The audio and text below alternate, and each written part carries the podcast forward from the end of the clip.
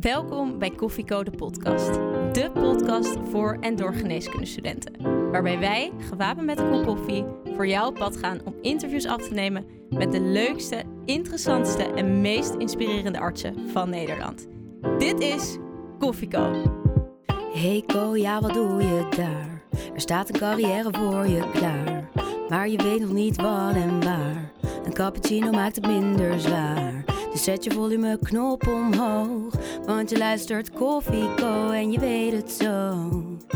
Papa, papa, para, para, para.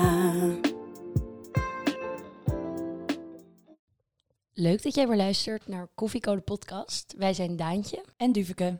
en vandaag hebben wij te gast Elijah Sanchez, vertrouwensarts in opleiding. Elijah, wij kennen elkaar van de KNMG Carrièrebeursdag. Nu zit je bij mij aan de keukentafel. En volgens mij eh, back to your roots in Amsterdam.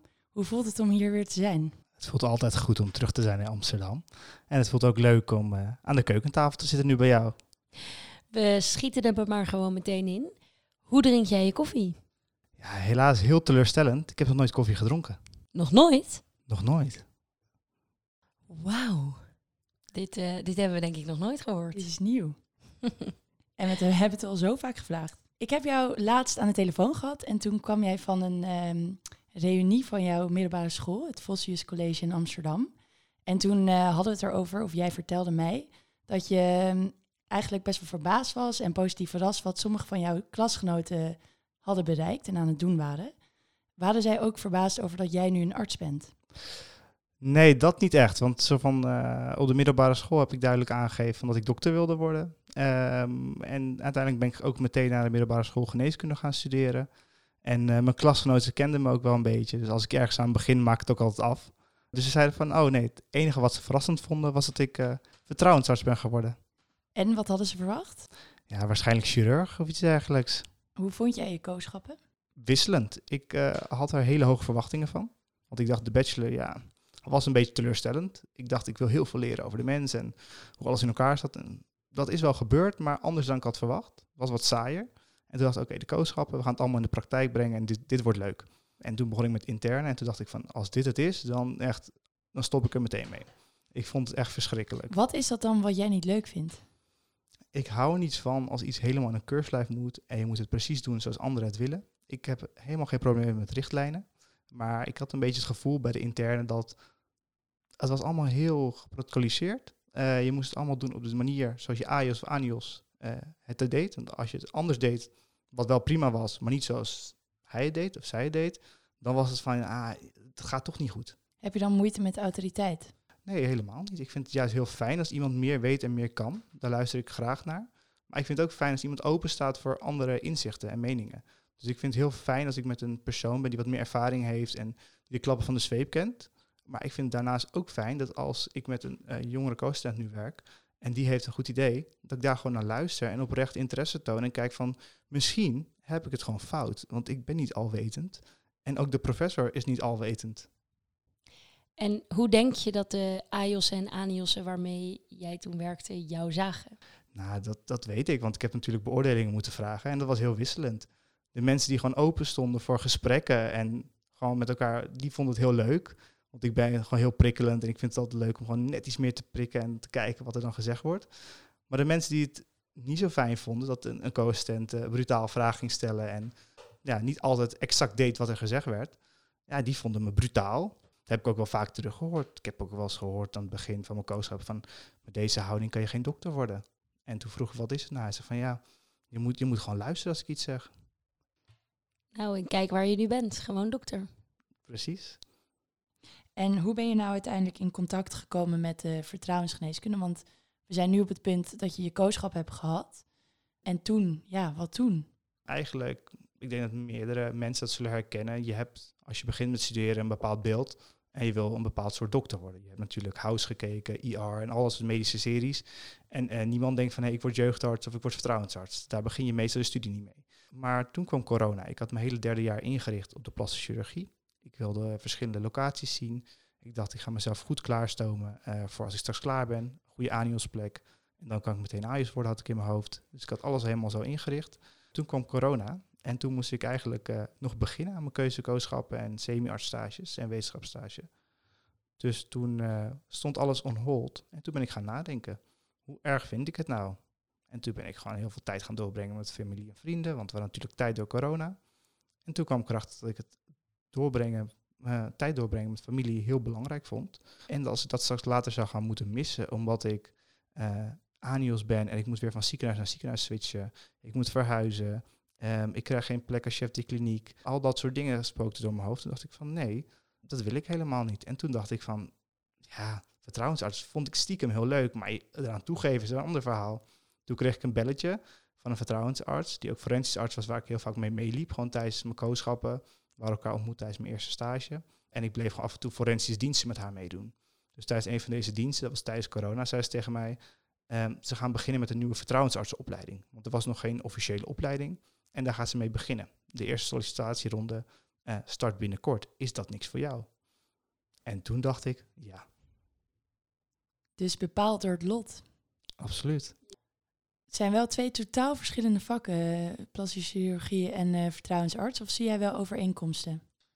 Uh, het, is, het, is, heel verschillend, maar de overeenkomst is dat je denk redelijk vrij bent in sommige dingen. Bij beide heb je gewoon protocollen waar je aan moet houden. Maar bij beide wordt denk ik ook bepaalde creativiteit voor je gevraagd om problemen op te lossen. En ik denk dat dat de overeen, ja, overeenkomst is tussen deze twee vakgebieden. Maar het is absoluut een hele andere tak van sport. Je zit hier stralend tegenover ons en ik denk dat dat wel betekent dat je de goede keuze hebt gemaakt. Maar voordat we dieper op ingaan met wat jij nou eigenlijk allemaal aan het doen bent bij de vertrouwensgeneeskunde, als ik het zo mag noemen, kun je misschien voor onze luisteraars eens pitchen wat het beroep vertrouwensarts precies inhoudt in de specialistenpitch. De specialistenpitch. 30 seconden waarin jij de geneeskundestudenten ervan overtuigt om voor jouw specialisme te kiezen. Nou, als je iets wil wat elke dag anders is, waar je elke dag opnieuw moet bewijzen, dan is het vertrouwensartsvak absoluut iets voor jou. Je werkt met kinderen, je werkt met ouderen, je werkt met volwassenen, je komt bij iedereen langs. Je bent de arts die de meeste andere artsen spreekt. Ik heb heel veel overleg met officier van justitie, met politie. Ik kom op scholen, ziekenhuizen, overal. En eigenlijk, ja, er is niks leukers, denk ik, dan het vertrouwensartsenvak. Zou je eens ons kunnen vertellen wat jij allemaal doet als vertrouwensarts? Tuurlijk. Ja, kijk, als vertrouwensarts is je belangrijkste taak veiligheid. We zijn geen behandelaar. Um, we hebben geen patiënten. Uh, onze taak is om een veiligheidsinschatting te maken van situaties. Um, en het gaat om afhankelijkheidssituaties. Dus stel een kind wordt geslagen op school door een leerkracht, dan is het geen zaak voor veilig thuis. Dus ook geen zaak voor de vertrouwensarts. Als er bijvoorbeeld uh, huiselijk geweld is, of kindermishandeling, of ouderenmishandeling, dan komen wij in het spel. Eigenlijk werken vertrouwensartsen in principe bij Veilig Thuis. Dus er kan een melding worden gedaan bij Veilig Thuis. En dan mocht het een zaak zijn waar mijn expertise wordt gevraagd, dan word ik erbij betrokken. Uh, en mijn expertise zit hem op het medische stukje. Dus mochten er medische zaken zijn die een rol spelen in dit verhaal, dan uh, word ik erbij betrokken. Maar ook complexe psychiatrie, uh, de complexiteit van de zaak kan erom vragen. Of als er moet worden overlegd met het ziekenhuis of andere medische specialisten, dan kom ik in beeld. In principe werken we met een team van maatschappelijk werkers, verpleegkundigen um, en gedragswetenschappers. En in dit multidisciplinaire team proberen we zo goed mogelijk de veiligheid te waarborgen. Ik uh, ga zelf heel vaak op huisbezoek. Dus als ik een melding binnenkrijg van bijvoorbeeld huiselijk geweld of kindermishandeling, um, dan is dat mijn startpunt. Maar natuurlijk moet je veel meer uitzoeken voor je uiteindelijk een uh, besluit kan nemen waar je de veiligheid mee uh, ja, gaat waarborgen of gaat verbeteren. Op welke manier uh, gebruik je dan jouw medische kennis in jouw vak? Nou, stel je hebt bijvoorbeeld een casus met een moeder met een psychiatrische voorgeschiedenis, die nu mogelijk weer aan het ontsporen is uh, en die een kind heeft. En dan moet je een inschatting gaan maken hoe veilig het is dat bijvoorbeeld een kind uh, daar op dat moment blijft, totdat er bijvoorbeeld hulpverlening in moet komen. En dan is je medische kennis extreem belangrijk, want je moet met deze vrouw in gesprek. Je moet kijken van, oké, okay, hoe is deze vrouw nu? Um, als ik straks wegga en dit kind van, ik zeg maar wat vijf jaar oud, is hij alleen met deze vrouw, kunnen we dat doen? Ik moet met de psychiater overleggen, kijken wat hij ervan vindt. En dat is in dat stukje, dat is dat mijn medische expertise die meedoet. En daarnaast is de medische expertise extreem belangrijk voor het feit dat ik kinderen moet onderzoeken op letsel. Dus op het moment dat er een melding wordt gedaan dat er letsel is bij een kind, dan ga ik daar naartoe, of het kind komt naar mij toe, en dan ga ik het kind van top tot teen onderzoeken op letsel. Dan ga ik foto's maken En die zet ik in ons dossier. En mocht er bijvoorbeeld een strafzaak komen, dan kan ik altijd met de forensische arts overleggen. En dan kan die nog een keer komen om de forensische foto's te maken die dan worden gebruikt voor een strafzaak. En dat kind is dus niet jouw patiënt. Nee, ik heb geen patiënten. We noemen ze cliënten, omdat ze in principe bij ons worden aangemeld. En we maken niemand beter of we behandelen niemand. Uh, ik vertel het altijd zo, heel makkelijk. We behandelen het gezinssysteem om daar ja, een betere plek voor te maken voor iedereen. En we zien het ook niet als dader-slachtoffer. Uh, want vaak zie je dat het, uh, dat het dader ook problemen heeft, waar hij soms wel, soms niet wat dat kan doen. Dus je probeert niet meteen met de vinger te wijzen, maar je probeert echt constructief met iedereen samen te werken om een betere situatie te creëren. En dit zijn voornamelijk kinderen? In principe doen we alles. Dus we kunnen uh, een melding krijgen over kindermishandeling, maar ook partnergeweld komt bij ons voor, of ouderenmishandeling. En mishandeling is natuurlijk breder dan fysieke mishandeling. Je hebt verschillende soorten mishandeling, zowel psychisch, financieel. Dus je hebt een heel scala aan mishandeling. En voor al deze zaken kunnen wij dus ingezet worden. Hoe zorg je dat alle partijen zich genoeg gehoord voelen? Nou, dat is dus ook denk ik anders dan bij de andere medische specialismen. Wij hebben relatief veel tijd voor een gesprek. Als ik een gesprek heb met een ouder of een kind, kan ik daar zo een uur, eh, als het nodig is anderhalf of twee uur voor uittrekken. Als ik nog een gesprek moet hebben, omdat ik het niet helemaal duidelijk heb en ik kan nog geen goede inschatting maken, nodig ik bijvoorbeeld iemand uit op kantoor om een vervolggesprek te hebben. Dus ik heb de tijd om een inschatting te maken. En je zei net, ik kom altijd met z'n tweeën. Kom je dan samen met een andere vertrouwensarts of met een maatschappelijk werker, verpleegkundige, een van de andere collega's? Ja, je komt altijd met een andere collega. Uh, twee, om, uh, één reden is omdat uh, we een tekort hebben aan vertrouwensartsen. Dus het zou heel mooi zijn. en tweede is dat je de expertise van de ander ook heel belangrijk vindt. Um, en we vullen elkaar denk ik heel goed aan. Bij Veilig Thuis is het zo geregeld dat de maatschappelijk werker of onderzoeker, zoals ze genoemd worden, dat die de persoon is die de casus verantwoordelijke is. Dus die zorgt ervoor dat alle structuur erin wordt gebracht, dat alles wordt geregeld. En ik ben degene die erbij wordt gehaald van mijn expertise. Zo kan bijvoorbeeld de gedragswetenschapper erbij worden gehaald voor expertise over bijvoorbeeld gesprekken met kinderen met bepaalde aandoeningen die wat complexer zijn. En dan kan die weer informatie geven. Dus zo proberen we met z'n allen alle expertise in te zetten. Wat ik begrijp, je stelt dus geen diagnoses, maar je analyseert wat een situatie is. Precies. Uh, diagnose stellen laat je over aan de behandelaren. Want op het moment dat ik dat ga doen, ben ik niet meer objectief. Als ik twijfel over iets, kan ik altijd overleggen met de behandelaar. Om te kijken, heb je dat ook gezien? Of hoe kijk je naar die situatie? En, en dan kan je met elkaar in gesprek gaan. Maar wij, wij zijn niet ervoor om diagnoses te stellen. Ons doel is een inschatting maken. Uh, dus we zijn meer soort van onderzoeker. Aan het einde stellen we een rapport op. En dat rapport kan verschillende uh, eindconclusies hebben. Het kan een conclusie hebben van, hey, de melding is binnengekomen, het was niks, het was verkeerd, het was onterecht. Het kan als conclusie hebben, er moet wat gebeuren. We gaan proberen samen met jullie vrijwillig het aan te kaarten. Dus dat je bijvoorbeeld mensen zegt van, misschien is deze hulpverlening wat voor jullie of deze hulpverlening. En het kan een wat dwingender karakter hebben. Dat zeggen van, het is echt nodig dat uh, dit en dit gebeurt voor de veiligheid van de kinderen. Want in principe uh, voor kinderen kan je wat dwingender zijn. Volwassenen onderling, dan kan je niet heel dwingend zijn, want je hebt een eigen keus daarin. En dus dat. En als wij echt denken van, hé, hey, uh, we moeten opschalen, dan kunnen we in overleg met de Raad van de Kinderbescherming. Of we kunnen in overleg met de officier van justitie. om met die twee partijen te kijken of het gaat om strafbare kindermishandeling of een ander strafbaar feit. Of dat de Raad voor de Kinderbescherming denkt, dit is zo extreem, we moeten gaan handelen. Uh, maar dat zijn de wel de meer uitzonderingen dan regels. En hoe ziet een week van jou eruit? Dat is heel gevarieerd en dat is ook hetgene wat het werk heel leuk maakt. Ik werk op kantoor en thuis, dus dat, dat vind ik ook prettig als ik niet op kantoor hoef te zijn. En ik kan gewoon lekker mijn dingetjes thuis doen, ben ik vaak thuis. Uh, maar ik heb een x-aantal gesprekken altijd per week gewoon vaststaan. Omdat ik denk van, ik plan altijd vooruit als het kan. Sommige zaken kan je wat langer vooruit plannen als er geen spoed in een zaak is. Uh, dus die plan ik graag gewoon in mijn agenda. En er komt elke dag bijna wel iets spoeds tussen. Dus dan krijg je een melding in de ochtend. Um, er was een keer een, een, melding binnen, die kregen we binnen van... hey, uh, jullie moeten nu gaan kijken. Het was een buurmelding, anonieme melding van een buur. Die zei, je moet nu gaan kijken. Er wonen een man en een vrouw wonen boven ons. Die vrouw mocht al een paar dagen niet meer buiten komen. Ik hoor heel veel lawaai thuis. Ze is sinds een paar dagen heel gesluierd. En ik, ja, ik vertrouw het niet. Ik denk echt dat iets met haar aan de hand is.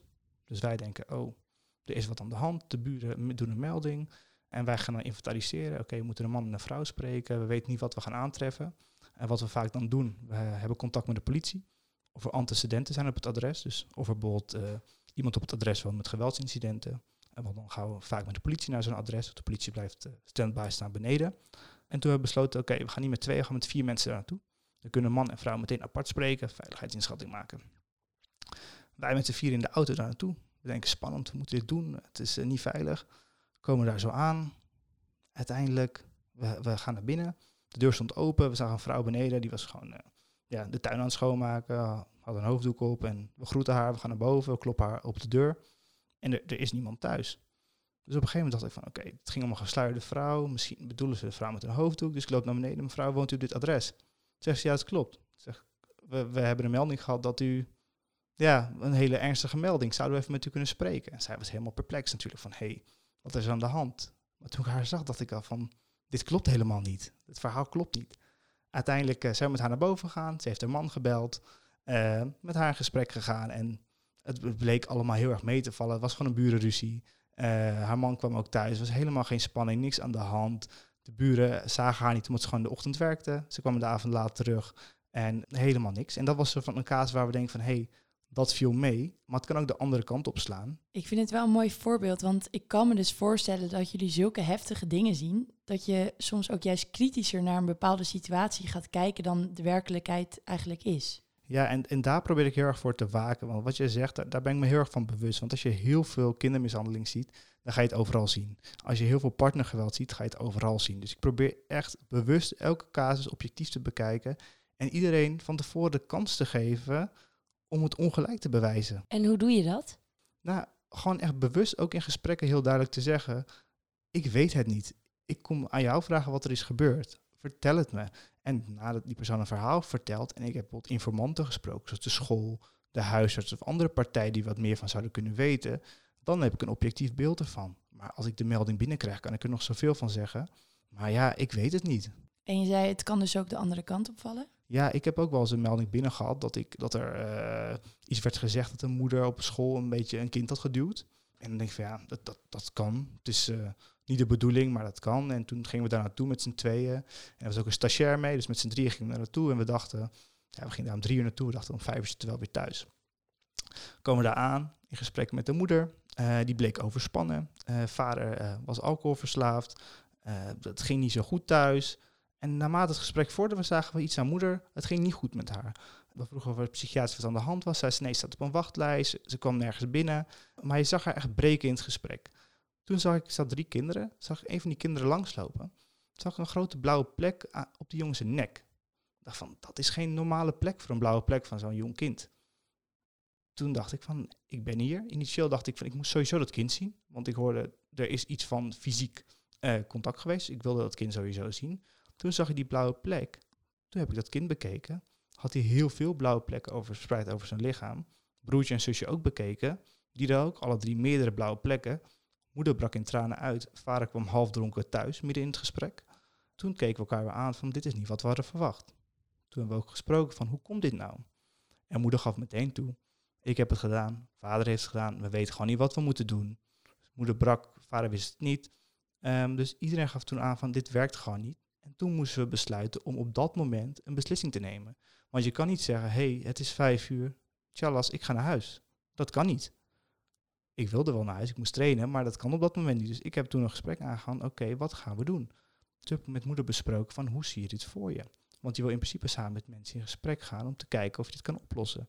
Uiteindelijk zag moeder dit helemaal niet meer voor zich. Ik vond het niet veilig. De maatschappelijk werker was een hele ervaren, die vond het ook niet veilig in deze situatie. Toen hebben we samen besloten van, hey, is niet een plekje eh, binnen jullie familie of vriendenkring waar de kinderen vanavond even kunnen slapen? Dan kunnen wij, morgen als je naar kantoor komt, kunnen we verder spreken hierover. Want de stap om de kinderen verplicht uit huis te zetten, dat was de volgende stap. En dat doe je echt alleen maar als je het niet vrijwillig kan oplossen. En moeder snapte het meteen. En we hebben het vrijwillig kunnen oplossen. En dat is eigenlijk de enige keer in meer dan een jaar tijd dat ik bij Veilig Thuis heb gezeten, dat ik een kind um, uit huis hebt moeten plaatsen. En dat was nog wel vrijwillig. Dus het beeld wat heel veel mensen hebben van veilig thuis, je bijvoorbeeld heel, heel dag kinderen uit huis aan het plaatsen bent en dat dat het doel is, dat valt dus echt heel erg mee. En dat wil je eigenlijk ook zoveel mogelijk voorkomen. Ben jij bevoegd om iedereen in dat gezin lichamelijk te onderzoeken? In principe doen we alleen maar lichamelijk onderzoek bij kinderen.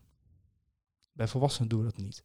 Omdat we vinden dat we als maatschappij een bepaalde verantwoordelijkheid hebben richting de kinderen als een moeder of vader letsel heeft, dan mogen ze me laten zien. Maar ik doe er in het dossier verder niks mee. Dan is het gewoon een strafbaar feit tussen twee volwassenen, waar ze zelf bijvoorbeeld naar de politie mee zouden moeten stappen. Voor de kinderen hebben we bepaalde wetten waar wij als overheid de kinderen zouden moeten beschermen. En dit gezin waar je net over vertelde, die moeder was heel vrijwillig, eh, heel welwillend. Worden mensen niet ook heel vaak heel boos op jou? Ja, ik heb eigenlijk maar één keer gehad dat iemand boos op mij werd. Eh, en dat ging om een zaak van niks. Ik kwam gewoon bij iemand thuis en die, en die man eh, had ruzie met zijn dochter van 21 en dat moesten we oplossen. De dochter kwam niet meer thuis. Eh, en toen werd hij boos op mij, want hij vond ik heb geen recht om erover te praten.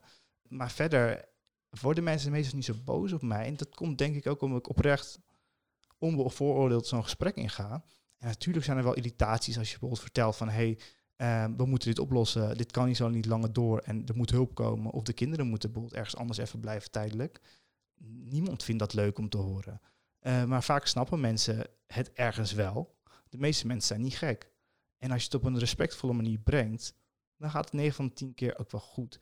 En ik denk dat mensen minder snel boos worden op een man, op een grote man, dan op mijn vrouwelijke jonge collega's, maatschappelijke werkers. Dat, dat is echt zo. Als ik een jong meisje van 22 bot ergens naartoe stuur als maatschappelijk werker, zal iemand denk ik eerder boos worden op haar dan als de dokter komt die wat meer weerstand. Mensen hebben toch op een of andere manier toch ook op deze manier wat meer respect voor de dokter. En deze verhalen, dat klinkt wel als een soort kwetsbare groep in de maatschappij. Is dat ook de patiëntenpopulatie die jullie zien?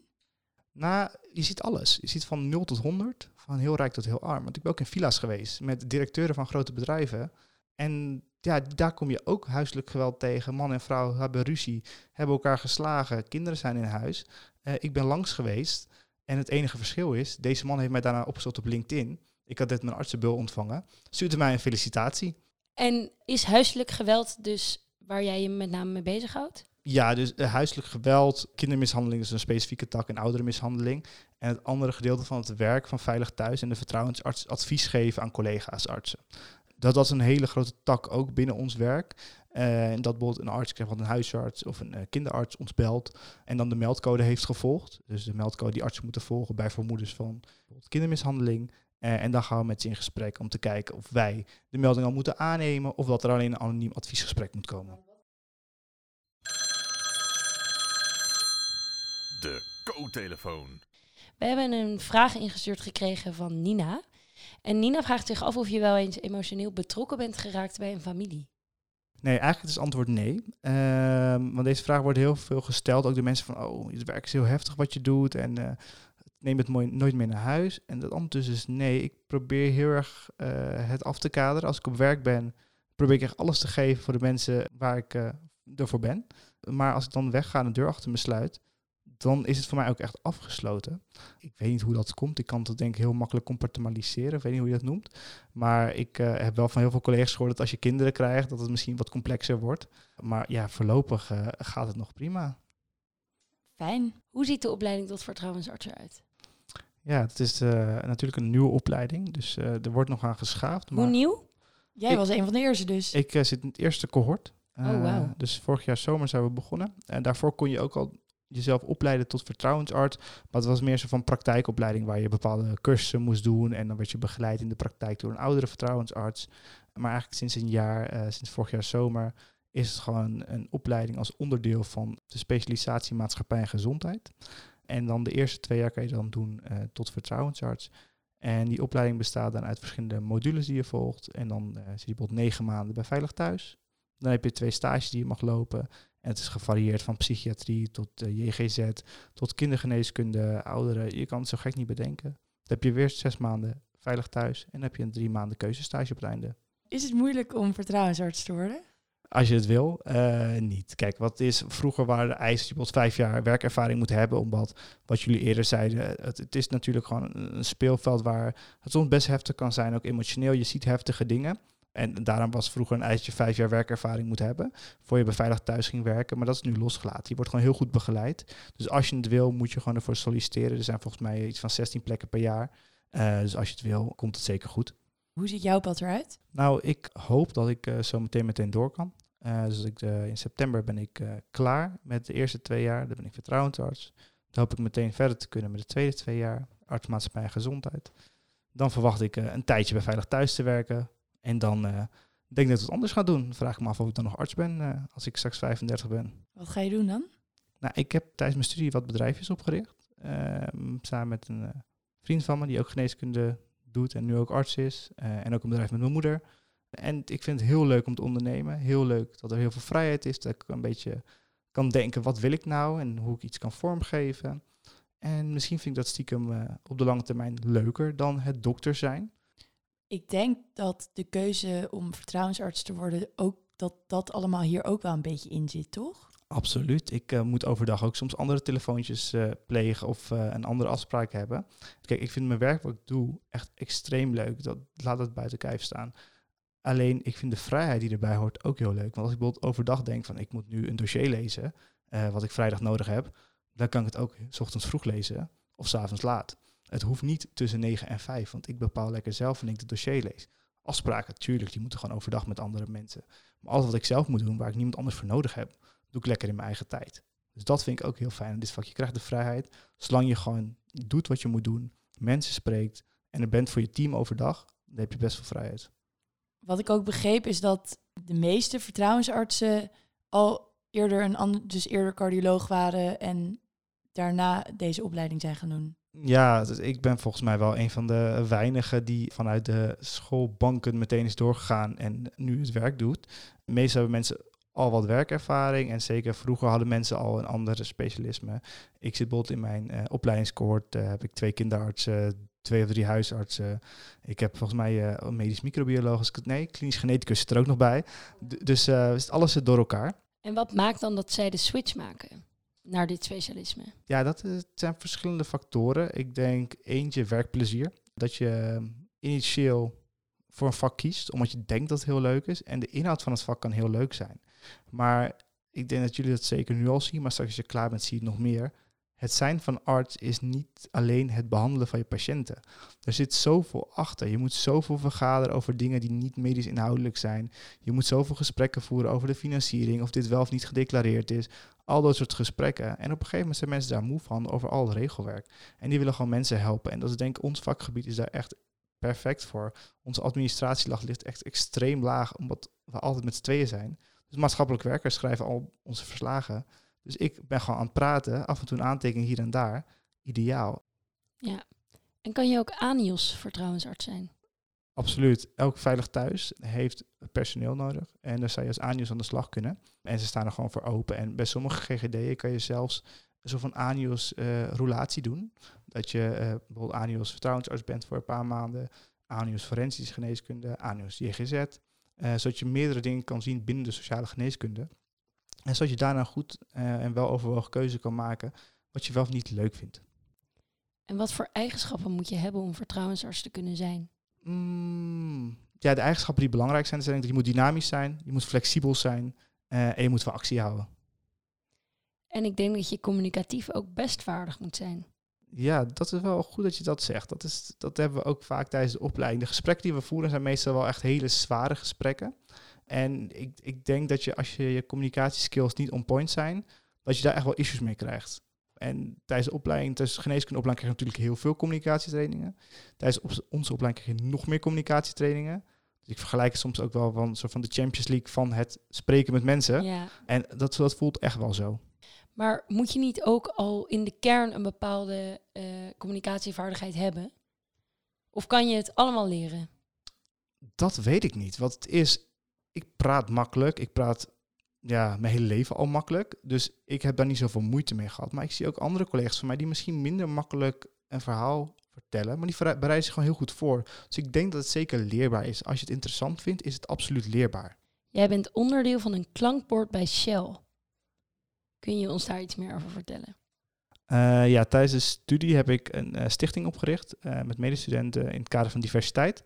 Want we wilden ehm, medestudenten de kansen geven eh, die ze niet altijd hadden. We hebben het idee dat er nog steeds verschil is in kansen eh, binnen studie- studenten. Dat sommige studenten makkelijker een plekje krijgen ergens. En dachten, weet je wat, we gaan er wat aan doen.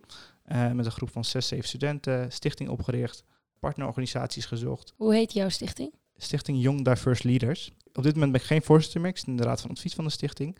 Maar ik ben nog steeds betrokken erbij. Maar we wilden gewoon mensen een gelijk speelveld geven. Uiteindelijk kwamen we bij Shell terecht. We dachten van grote partij, we gaan gewoon contact leggen. Verrassend genoeg reageerden ze, zijn in contact gekomen. Ze wilden een partnerorganisatie worden van ons. En toen kreeg ik later een berichtje van ze dat ze mensen zochten voor hun klankbord eh, diversiteit in Nederland. En mensen met een eigen mening, mensen die onafhankelijk iets konden vertellen. En eigenlijk ben ik dan nu een paar keer per jaar praat ik dan met Shell over hun eh, aannamebeleid, over eh, hoe ze mensen moeten werven binnen bepaalde groepen, over hoe ze bepaalde mensen binnen hun eh, bedrijf kunnen houden. Eh, en ik heb het idee dat ze echt eh, wat doen met onze input. En ik vind het heel leuk. En af en toe mag je dan naar een leuk event van Shell, zoals de Formule 1. Dus dat was ook wel een leuke uitnodiging. Het is wel slecht nieuws nu, hè, Shell? Absoluut. Maar ja, ik kom daar voor een goed ding. En soms moet je van binnenuit iets verbeteren. Helemaal gelijk. En je hart, maak je dus echt hard voor diversiteit. Dat vind jij belangrijk. Zelf heb ik Surinaamse roots. En dat heeft mij eh, in principe in het leven niet echt eh, belemmerd. Wat ik eerder zei, ik, ik kom er wel. Ik eh, ben brutaal genoeg om mezelf te presenteren. En anderen hebben dat misschien minder. En ik ben echt voor diversiteit in de breedste zin van het woord. Echt voor inclusie. Het gaat me niet om je, je kleur, je afkomst, op wie je valt, waar je vandaan komt. Het gaat me echt om van wat kan je. En die mensen moeten gewoon een kans geven. Als je wil en je kan wat, moet je gewoon een kans krijgen. Suriname. Kun je ons daar wat meer over vertellen? Ja, heel leuk vakantieland. Je moet er echt niet gaan werken. Ik heb daar, Heb je eh, daar gewerkt? ik heb een kooschap daar gedaan. Echt waar? Ja, het is echt. eh, ik dacht van oké, top. Ik ga naar Suriname. Ik ga een kooschap doen. Ik heb daar heel veel familie. Ik ben met mijn oma verbleven tijdens deze periode. Wat gezellig. Zeker. Ik vond het heel leuk om mijn oma dagelijks te zien. Ik heb daar echt van genoten. Alleen het tempo ligt wat anders. Het is natuurlijk een stuk warmer, dus ik snap dat het anders ligt. Maar ik hou van veel dingen doen, eh, snel dingen doen, doorpakken. Dus het was niet echt mijn tempo. Ik heb ervan genoten dat ik bij mijn oma ben geweest. Ik heb van het weer genoten. Maar ik hoef daar niet in een ziekenhuis te werken. Heb je ook karaktereigenschappen waarvan je denkt dat, dat je wel herkent dat je roots daar liggen? Ik, ik denk dat ik redelijk relaxed ben. En ik denk wat ook wel Surinaams is, dat je altijd wel een oplossing vindt. Sommige mensen hebben stressvolle situaties. En ik denk zeker Surinamers hebben dat gehad, ook toen ze naar Nederland kwamen. Het was niet allemaal perfect. En op een gegeven moment moet je gewoon oplossen. Het is zo, dus je gaat het oplossen. En dat is denk ik ook echt iets Surinaams. Soms eh, heb je gewoon slechte kaarten gehad in het leven. En dan ga je gewoon toch een, een, mooie situatie van maken. En ik geef nooit op. En dat zit denk ik ook wel echt in die roots. We willen nog een paar dingen graag van jou weten. En dat gaan we uitvinden in ons doktersdilemma. Eh, we gaan jou wat eh, dilemma's voorleggen en jij mag eh, snel kiezen. Het doktersdilemma. Het leven bestaat soms uit lastige keuzes. Denk niet te lang na en geef snel antwoord. Stel je slaat alle benodigde opleiding over. Nu vertrouwensarts of nu plastisch chirurg. Nu vertrouwensarts. Koken op een gaspit of op een inductieplaat? Inductie. Door jezelf of door je moeder? Mijn moeder. Wonen in een stad of afgelegen op het platteland? Wat denk je zelf? Ik kom uit Amsterdam, hè? Kinderen of volwassenen? Kinderen. Een reguliere basisschool of een vrije school? Regulier. Ik ben ehm, wel benieuwd. Jij zei een reguliere basisschool. Waarom? Ik heb dus ook een onderwijsbedrijf. eh, en daarvoor hebben we, detacheren we studenten op scholen. Eh, en ik heb zowel met regulier basisonderwijs als met eh, bijzonder basisonderwijs, dus vrije scholen gewerkt. En vrije scholen zijn wat complexer om mensen zomaar in te zetten. Ze moeten echt erbij passen. En uit financieel oogpunt en economisch oogpunt zeg ik regulier onderwijs. Daar kan ik makkelijker docenten kwijt.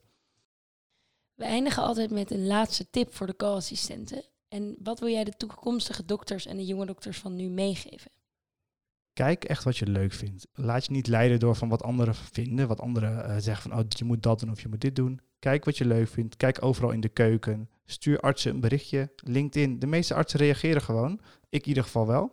En probeer dingen uit. Je hoeft echt niet de rest van je leven hetzelfde te doen. Dankjewel Elijah dat je vandaag de gast wilde zijn in Koffiecode Podcast. Nou lieve luisteraars, dit was het weer. En luister vooral Koffiecode Podcast op Spotify en volg ons op alle kanalen. Tot de volgende keer bij Koffiecode Podcast. Pa, pa, pa, para, para, para.